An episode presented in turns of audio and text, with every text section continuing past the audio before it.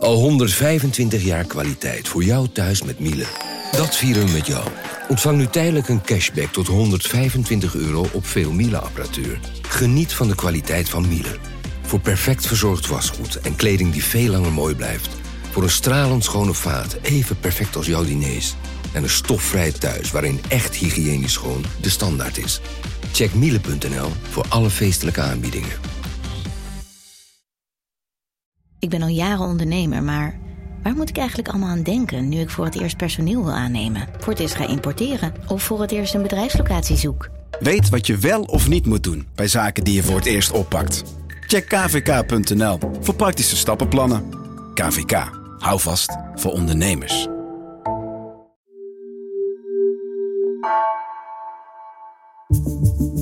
Vanaf de redactie van NRC het verhaal van vandaag.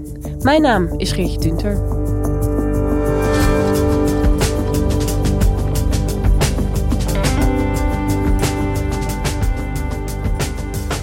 Over drie weken zijn de Tweede Kamerverkiezingen en ook dit jaar is er een groep jonge mensen die voor het eerst hun stem mogen uitbrengen. Binnenlandredacteur Sabrine Ingabire ging om tafel met jongeren uit Limburg, Texel en Rotterdam. Wat vinden zij belangrijk en voelen ze zich wel gehoord?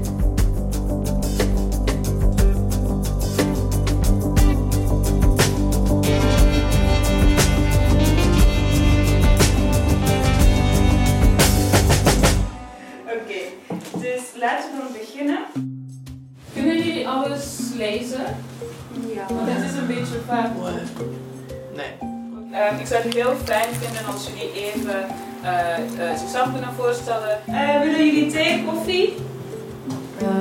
ik dus wel thee. Ja. Sabrine, je hebt de afgelopen weken gesprekken georganiseerd tussen jongeren op verschillende plekken in het land. Kun je eens vertellen wat je precies gedaan hebt? Ik heb drie ronde tafelgesprekken georganiseerd met een groep jongeren uit Texel, een groep jongeren uit Rotterdam en een groep jongeren uit Limburg. Ik ben Willem, eh, 18 jaar. Ik studeer nu eerste jaar eh, economie in Maastricht. Yes, ik ben Nina, ik ben 22, ik ben de oudste. Hoi, ik ben Anouk. Ik ben eh, net 23 geworden. Nou, ik ben Pim, ik ben 19 jaar oud, zou je niet denken door mijn lengte. Waarom vond je dat belangrijk om dat te organiseren? De Tweede Kamerverkiezingen komen eraan in maart. Ehm, en dus vroeg ik me af, hoe staan jongeren tegenover de politiek? Maar ook, wat speelt er zich af in hun leven? Wat vinden zij belangrijk? Hoe wordt dus de politiek gevormd? Is dat door de kranten te lezen? Is dat door, of door sociale media te bekijken of zelf dingen te posten? Dus dat wilde ik achterhalen. En dus daarom ben ik op zoek gegaan naar jongeren die voor het eerst gaan stemmen. Ja, en je zei net al, uh, je bent uh, terechtgekomen bij jongeren uh, van Texel, uit Rotterdam en uit Limburg. Waarom deze groepen? Ja, ik ben natuurlijk zelf een Belg, dus ik heb de kaart van, van Nederland genomen. En ik, ik wilde drie of vier groepen maken van um, jongeren die ik zelf niet heel vaak heb gehoord. En dus kwam ik terecht op ja, jongeren uit een eiland. Wat speelt er zich af in hun leven? Uh, jongeren uit Limburg, omdat het een provincie het is gewoon een hele grote provincie. Maar ja, ik heb het idee, als iemand uit Amsterdam, heb ik het idee dat ik niet per se weet hoe hun leven eruit ziet op dit moment. Of wat zij zouden aankaarten als belangrijk als we hen die kans zouden geven. En dan, ja, natuurlijk moet je ook iemand uit de Randstad hebben. En ik dacht, Rotterdam lijkt mij als Amsterdammer, leek Rotterdam mij interessanter. Wat voor soort jongeren willen hier eigenlijk aan meedoen? De meest enthousiaste mensen waren hoogopgeleide jongeren. En ik schrok ervan, omdat omdat ik best wel veel pogingen heb gedaan om ook andere groepen te bereiken. Uh, maar je merkte dat ze dus minder gingen reageren. Dus ik kwam in Limburg terecht bij zes hoogopgeleide jongeren die heel mondig zijn omdat ze ofwel politiek actief zijn ofwel aangesloten zijn bij een debatclub. In Rotterdam ben ik op zoek gegaan naar studenten. Um, ik heb toen wel gezocht naar zoveel, zoveel mogelijk diversiteit. En wat heel fijn was aan die groep is dat ze ook qua cultuur heel, dus hun culturele achtergrond is heel verschillend. Uh, dus het was ook heel fijn om echt een, een, een groep te hebben die we niet heel vaak in de krant hebben. En op Texel, wie, uh, wie heb je daar uh, bij elkaar gesprokkeld? Ja, op Texel was het dus interessant, want er is één school En ik vond het dus ook leuk om, iemand uit een, om mensen uit het eiland te vragen, omdat zij niet heel vaak uh, in het nieuws komen. Nou, je had dus al die mensen bij elkaar, je had het helemaal geregeld. Uh, hoe verliepen die bijeenkomsten? Waar, waar begon je mee? Dus ik liet ze zich eerst voorstellen. En uh, daarna schreef ik thema's op het bord, een twintigtal verschillende thema's, um, uh, waarvan ik dacht, misschien vinden zij deze interessant. Met welke thema's ben jij dan bijvoorbeeld begonnen? Noem maar eens een paar. Um, LHBTI-rechten, klimaat, studieleningen, woningmarkt, arbeidsmarkt, sociale ongelijkheid. Vervolgens zouden zij vertellen welke thema's ze uh, gekozen hebben. En um, de meest gekozen thema's bespraken we. Ik heb studieleningen, ik heb onderwijs, ik heb racisme. Ik heb polarisatie van nu en daar doe ik op uh, dus dat er nu best wel groepen ontstaan met mensen die niet meer de realiteit zien en wel de realiteit zien. Werkdruk en sociale ongelijkheid. Okay, ik heb opgeschreven uh, racisme, sociale ongelijkheid, studieleningen, migratie en toekomst. Ja, ik heb uh, ja, ook gewoon een willekeurige volgorde heb ik eigenlijk zes. Dus als eerste eigenlijk LHBT rechten en dus, of ja, en racisme eigenlijk. Dus eigenlijk echt discriminatie.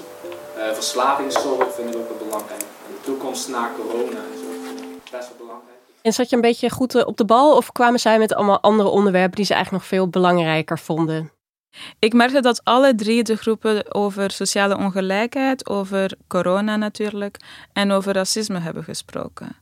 Um, maar wel op een totaal andere manier. In um, Limburg ging het veel meer over het algemeen. Um, als het ging over sociale ongelijkheid over, of over racisme, terwijl de, de groep uit Rotterdam, die dan wel uh, veel diverser was qua achtergronden, um, heeft dan wel meer over persoonlijke ervaringen gesproken. Um, op Texel waren, was het dan bijna anekdotisch. Een van de jongeren vertelde hoe het voor hem was de, toen hij voor het eerst een, uh, een zwarte man heeft gezien in, Am in Amsterdam. Omdat hij dus van het eiland komt. Wat mijn ervaring daarmee was, ik weet nog dat ik de eerste keer in Amsterdam ging een hele grote donkere man tegenkwam. Oh, daar was ik, dacht ik van, oh, wat is dit allemaal? Ik had dat nog nooit gezien in mijn leven, maar ik had wel hier altijd de verhalen gehoord. Ja. Ik dacht van, wow, hier moet ik voor uitkijken, weet je wel. uh, En ook, en ook die woorden die daarvoor gebruikt worden, bijvoorbeeld het N-woord, dat was voor mij, zo werd iemand gewoon genoemd die, die, die, een andere kleur had. En ik besefte me niet wat dat bij mensen deed. En, ja. en dat vertelt hij dan. Dat is geen, ik, ik beschouw dat niet als een heel persoonlijke ervaring, maar het is wel een anekdote die in de groep ervoor heeft gezorgd dat zij dan konden praten over hun eigen ervaringen en, en bedenkingen over racisme. En die Rotterdamse groep, hoe keken zij naar dit onderwerp? De Rotterdamse groep was qua culturele achtergrond heel verschillend, dus heel divers. En um, zij vertellen dan veel meer over dit heb ik meegemaakt. Uh, ik ben de enige gekleurde eigenlijk op werk. Uh, en daarnaast ook nog eens gay, dus ik maak wel eens af en toe grapjes van... Nou, krijg je bij, mij, bij mij heb je gelijk een totaalpakket, want uh, ja, ik ben en gekleurd en ik val op mannen. En toen vroeg ze ook aan mij, voelde je bezwaard om hier te komen werken? Ik zei, dus ik zei persoonlijk, nou ja, ik niet. Maar ik kan wel voorstellen, we zijn een witte club mensen. Uh, iedereen is wit. En uh, ik kan, kan, me voorstellen voor anderen dat ze zich bezwaard voelen om hier te komen werken. Vinden jullie het lastig als je ergens zou solliciteren waar alleen maar witte mensen werken? Ja. ja en hoezo? Gewoon uh, objectief vraag maar. Nee, maar ik heb dan meteen het idee van, um, de maatschappij is niet wit, waarom is dit bedrijf wit? Mm. En dan gaat er bij mij meteen iets van, hier klopt iets niet, dit is überhaupt raar dat in een maatschappij waar er zoveel kleuren er zijn. zoveel ja. kleuren zijn. Ja. Het was in Rotterdam een heel open gesprek, waarbij ze zich ook kwetsbaar durfden op te stellen tegenover elkaar. Als we kijken naar het onderwerp racisme, hè, um, uh, in Limburg had je juist weer een hele groep met alleen maar witte mensen. Mm-hmm. Ik kan me voorstellen dat zij dan ook weer anders naar dat onderwerp keken. Ja, zij hebben veel algemener gesproken over, over racisme. Dus ja, dat is er in de maatschappij, dat moet er niet zijn. En ze durven ook wel tegen elkaar te zeggen: ja, maar wat je nu zegt, daar schrik ik een beetje van. Of wat je nu zegt klinkt wel haast racistisch. Stel, je hebt een eigen bedrijf en jij werkt met een uitzendbureau. En elke keer, uh, als jij dan een uitzendbureau krijg je bijvoorbeeld uh, elke keer Turkse jongeren en die zorgen voor veel problemen. Als je dan de volgende keer een Turkse naam krijgt. En als jij dan zoiets hebt van, ja nee, ik heb liever een Nederlandse, want dat laatste keer ging dat ook al niet goed. Vinden jullie dat je daarop mag selecteren dan? Ja, kijk, Want het is, kijk, het is... Is natuurlijk zijn nationaliteit de reden dat het slecht ging? Dat is natuurlijk wel. Ja, maar als jij ervaring hebt dat het vaker met, met die groepen misgaat. Want ik ken genoeg verhalen waarvan ik dat hoor. Dat dat, en dan mag jij dan op een gegeven moment zeggen van... Uh, nou, doe mij toch maar niet die persoon. Ik heb, ik heb het liefst alleen maar Nederlanders. Ik, ik, ik zeg niet dat ik daarvoor ben, maar ik vind dat best een lastige kwestie. Ja, als de ervaring ik, dat jou leert. Ik vind dat bijna, wat je, wat je nu zegt, vind ik dan een beetje selectieracisme. Dus Ja, op basis van dat identiteit is. zeg je van...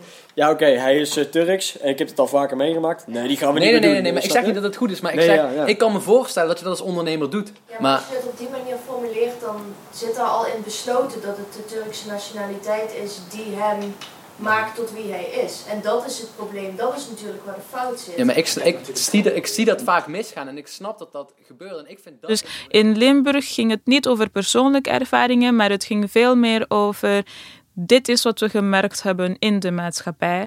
En dat speelt. En eh, Sabrina, als het gaat om de thema's die deze jongeren belangrijk vinden en hun blik op de politiek, waar halen zij eigenlijk hun informatie vandaan? Wat kwam je te weten over hun mediagebruik? Dat ze heel veel kranten lezen. Oh. Kranten of eh, dus soms ook gewoon online. Dus niet per se papieren kranten, maar eh, nieuwsapps. Ehm, NOS werd bij iedereen heel vaak genoemd. Maar sommige mensen zeggen dus ook dat sociale media een grote rol speelt. En dat ze dus op Twitter heel veel ehm, te weten komen. Op Instagram of zelfs als je heel veel TikToks achter elkaar bekijkt, dan haal je ook heel veel informatie uit, blijkbaar. Eh, ja, ik kijk meestal op nu.nl. lees ik gewoon de belangrijkste dingen. Maar eh, ik zie vooral dat, ehm, dat er best wel een vertekend beeld is van jongeren over wat ze precies denken. Want ik heb wel altijd het idee, het wordt vooral geschreven vanuit de oudere mensen. En dat ze nooit echt eh, het verhaal naar boven komt van wat echte jongeren denken. En wat ze, wat ze willen en waar, waar ze naartoe zouden willen. Ik krijg vooral best wel veel YouTube-filmpjes, gewoon over actualiteit en zo. En een NOS natuurlijk en andere ja, grotere bladen. En natuurlijk ook zondag met Lubach. eh veel gekeken natuurlijk. Voor de rest, ik, ik lees ook altijd heel graag eh, de correspondent. Omdat die voor mij bijvoorbeeld een, een beetje een andere kant van het nieuws laten zien. Die je niet snel eh, verwacht. En op Texel was er dan weer een jongen die ehm, een beetje meer kritisch was tegenover de media. Zowel traditionele media als sociale media. Ehm, en die heel erg geloofde in het belang van eigen onderzoek. Ik ben sowieso persoonlijk niet heel erg van kranten en nieuws in het algemeen. Al niet YouTube, al niet eh, de NOS. Ik heb liever dat ik mijn eigen eh, onderzoeken na ga doen. En hoe doe je dat? Door bijvoorbeeld, ik ben eh, met een aantal doktoren in gesprek gegaan van hoe is die situatie nou op eh, de ICT? Hoe is het nou rondom dat vaccin, rondom dit, rondom dat? En eh, daar maak ik dan weer mijn eigen eh, kijk van. Ik heb liever dat, dat het vanuit hunzelf komt en niet dat een wetenschapper zelf het verhaal vertelt op video bijvoorbeeld. In plaats van dat je het uit, eh, uit een krant moet lezen. Daar kwamen heel interessante gesprekken uit, omdat, eh, omdat andere mensen hem gingen dan bevragen, ja, maar is dat dan objectief? Ehm, en dat is ook een vraag die heel vaak gesteld werd in Rotterdam. Daar hebben ze een hele tijd met elkaar gesproken over, ehm, nou ja, zijn traditionele media dan objectief genoeg? Ehm, want traditionele media zijn heel wit en die groep was niet heel wit. Ehm, dus in dat opzicht gingen ze zich vaker afvragen: wat doet het met het nieuws dat wij krijgen wanneer die, ehm, eh, wanneer die nieuwsredacties niet op ons lijken? Ik geloof wel heel erg in het systeem in Nederland qua persvrijheid. Dat de NOS en publieke omroepen in die zin objectief genoeg zijn. Qua wat ze naar buiten. De dingen die naar buiten komen. Ehm, ik weet niet, NOS heeft soms uitlegfilmpjes of zo over bepaalde zaken. Ik had een tijdje geleden had ik over ehm, zeg maar Nederlands-Indië en hoe dat allemaal zat. Een beetje gecheckt, alleen ik merkte wel echt super erg dat het wel vana, uh, vanuit een wit Nederlands perspectief is, was gemaakt of zo. Het was een beetje van ja, het is wel erg dat we dit hebben gedaan, maar bla bla bla. Ik weet niet. Ja. Ze zijn dus heel erg bezig met of media wel objectief zijn. Dat klinkt misschien ook wel alsof ze zich niet helemaal gerepresenteerd voelen. Ja, nee, dat is, dat is zo ehm, bij de groep in Rotterdam. Omdat ze zoveel verschillende culturele achtergronden hebben, dat ze ehm, wat kritischer zijn tegenover witte nieuwsredacties. En hoe zat het met de jongeren uit eh, Limburg en Van Tessel? Want voor hen speelt dat misschien minder? Dat speelt minder op het vlak van afkomst, maar wel op het vlak van jongeren zijn. Want ze zeggen ja, uh, de manier waarop jongeren in, um, in de kranten komen is niet altijd zoals ik het beleef. Of um, ik voel me niet altijd gezien. Of ze komen nooit naar Limburg. Als ze naar een school gaan, is het altijd in Utrecht. Dus um, het speelt. Maar daar zijn ze wel veel meer geneigd om alsnog de kranten te gaan lezen en minder snel te gaan denken: oké, dan haal ik maar mijn nieuws uit sociale media. Dus wat voor mij ook nog opviel, is dat ze heel veel hebben gesproken over de algoritmes en de bubbels waarin ze leven. Dus ze zijn zich echt bewust uh, van de invloed van bijvoorbeeld Facebook. Als ik dit artikel lees, dan komen alleen maar deze artikels uh, naar voren. Ik denk dat algoritmes er ook echt heel veel mee te maken hebben. Want als jij, als jij in een conservatieve bubbel zit, ga je daar waarschijnlijk niet te snel uitkomen. Ja. En als jij in een hele linkse bubbel zit, ga je er ook waarschijnlijk niet te snel uitkomen. Ja. Dus ik denk dat je gewoon een beetje voor jezelf kiest door wat je klikt en naar wat je kijkt. Wat je ook blijft zien en blijft kijken. Ja, ben ik mee eens. Ja. Want ik denk ook soms ben ik geschokt als mensen niet denken zoals ik. Dan denk ik, huh? Ja. Maar iedereen die ik volg denkt ook zo, weet je. Maar dat slaat nergens op. Ik denk het wel, die bubbel waarin we leven, dat, dat beïnvloedt mij wel. Ik denk als ik minder content had gezien, ook in de tijd dat BLM helemaal um, groot was, had ik misschien... Hebben we het over deze zomer? Ja, had ik misschien, uh, denk ik, ook minder initiatief genomen om zelf op onderzoek uit te gaan. Uh, dus ik denk dat social media een heel groot invloed had op, op want eigenlijk, ik wist niks ook van de Tweede Kamerverkiezing. Ik weet het ook, ik wist het niet. Toen ging ik opeens dacht ik, dit is eigenlijk best wel belangrijk en het gaat mij ook aan. Dus ik ben research gaan doen. Ik heb me als stembureaulid aangemeld. Wat jij net ook zei. Ja, ja, ik weet niet. Het heeft mijn ogen wel een beetje geopend van dit gaat mij ook aan.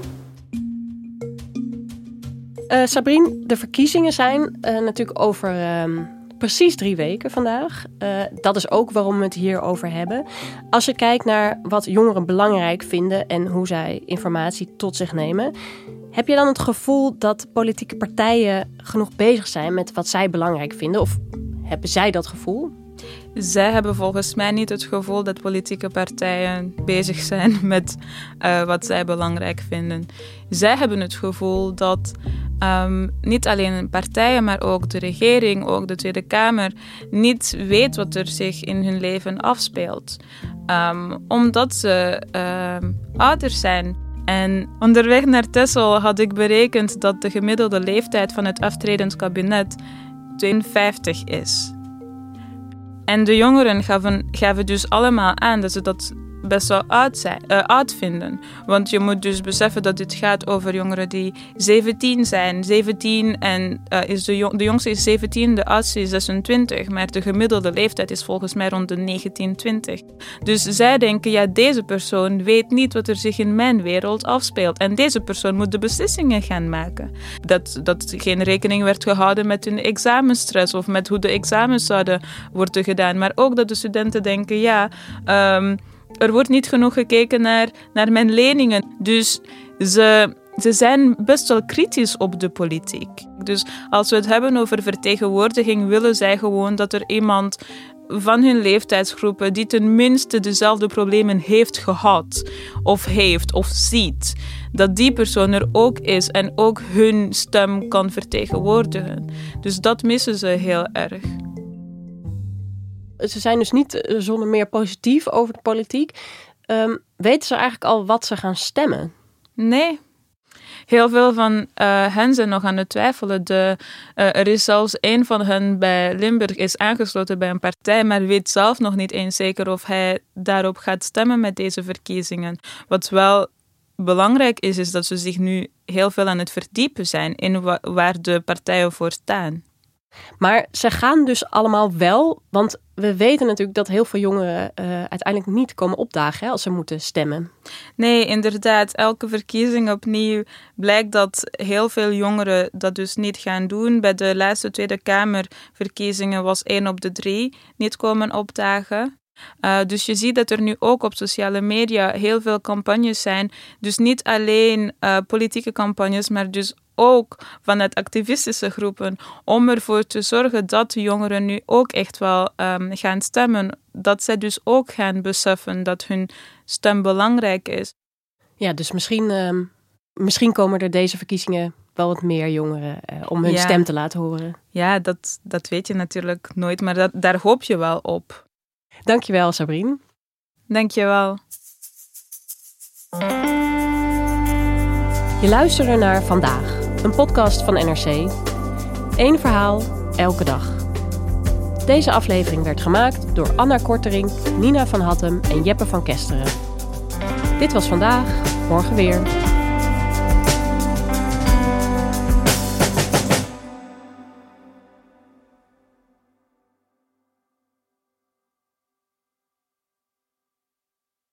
Technologie lijkt tegenwoordig het antwoord op iedere uitdaging. Bij PwC zien we dit anders.